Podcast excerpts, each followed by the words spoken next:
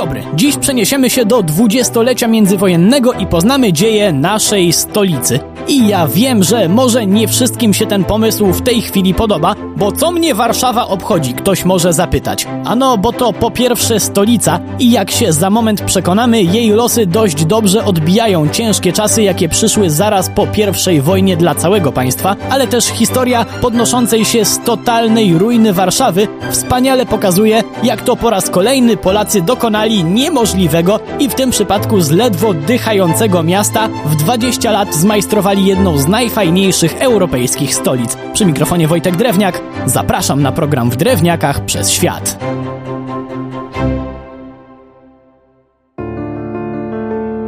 Warszawa jako najważniejsze miasto tzw. Tak kongresówki pod zaborem rosyjskim niby nadal była miejscem, gdzie działy się najważniejsze dla Polaków rzeczy. Nie ma się jednak co oszukiwać. To miasto kiedyś nazywane Paryżem Północy dawno już swój blask utraciło. Ale to nie koniec, bo miało być gorzej. Bo przyszła wojna, wtedy nazywana Wielką, a dziś bardziej znana jako Pierwsza Wojna Światowa, w czasie której Warszawę przez trzy lata okupowali Niemcy. Warszawa popadła w jeszcze większą ruinę. Obłędna wręcz bieda i choroby były codziennością. Niestety nie po raz ostatni, ale wbrew wydawałoby się wszystkiemu, również nie po raz ostatni Warszawa wstała z kolan. Jeszcze formalnie wojna się nie skończyła, a Warszawa już wskoczyła na najważniejsze miejsce w państwie, jeszcze zanim się ono odrodziło, przynajmniej oficjalnie, bo to właśnie w Warszawie 7 października Rada Regencyjna ogłosiła niepodległość Polski, a w kolejnym miesiącu oficjalnie stała się stolicą, którą czekało mnóstwo ciężkiej pracy. Jednak mam tutaj na myśli nie tylko to, że trzeba było odeprzeć dość poważne zagrożenie bolszewickie w 1920 roku i wydarzyło się to właśnie pod Warszawą.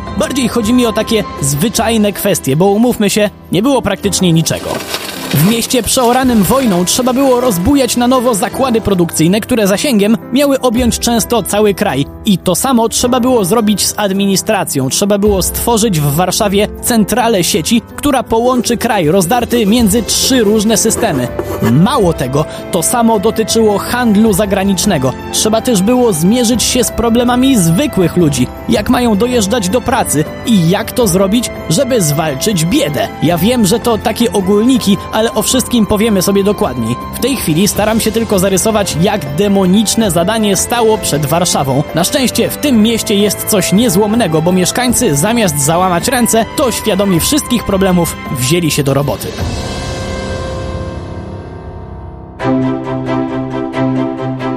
Początkowo więcej w tym było radosnej improwizacji niż planowanych działań, ale z czasem zaczęły się pojawiać już takie formalne, podbite miejską pieczątką z syrenką uchwały, które w połączeniu z wielkimi ambicjami zaczęły szybko nadawać miastu nowy kształt. Miastu, w którym mieszkali, no właśnie, kim byli warszawiacy po pierwszej wojnie? No, na bank nie Rosjanami, to znaczy okej, okay, trochę ich zostało, podobnie jak Niemców, ale zdecydowanie przedstawicieli tych narodów po wielkiej wojnie zrobiło się w polskiej stolicy zdecydowanie mniej niż wcześniej. Generalnie utrzymał się w Warszawie trend, który panował jeszcze za zaborów. Miasto Polakami stało. Drugą co do liczebności grupą w mieście byli Żydzi. Na milion trzysta tysięcy mieszkańców miasta w 1939 roku Żydów było jakieś 400 tysięcy. To mnóstwo i to nie tylko w skali Polski, ale i całej Europy, bo to właśnie nasza stolica była wtedy największym na kontynencie skupiskiem żydowskiej ludności.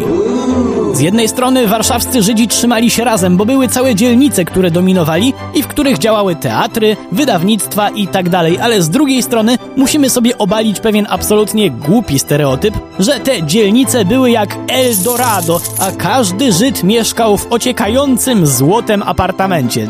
Nie, nie. W tych dzielnicach rozwarstwienie było równie potworne jak wszędzie indziej. Fakt, wielu Żydów należało do elit, ale było też mnóstwo robotników żyjących w skrajnej nędzy. Wszyscy oni jednak razem z Polakami i innymi mieszkańcami tworzyli coraz śmielej rozrastającą się Warszawę.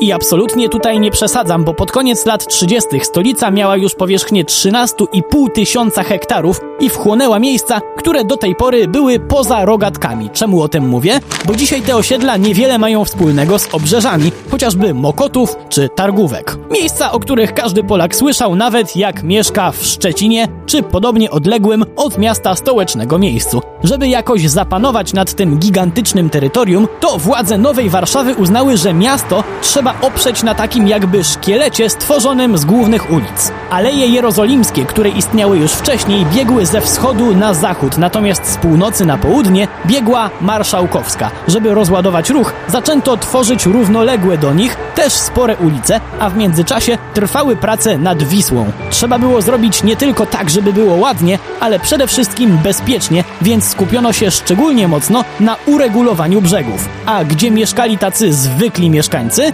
czy były takie miejsca, w które strach było się zapuszczać? Spokojnie, spokojnie, dopiero zaczynamy poznawać Warszawę międzywojnia. Przy mikrofonie był Wojtek Drewniak. Do usłyszenia następnym razem.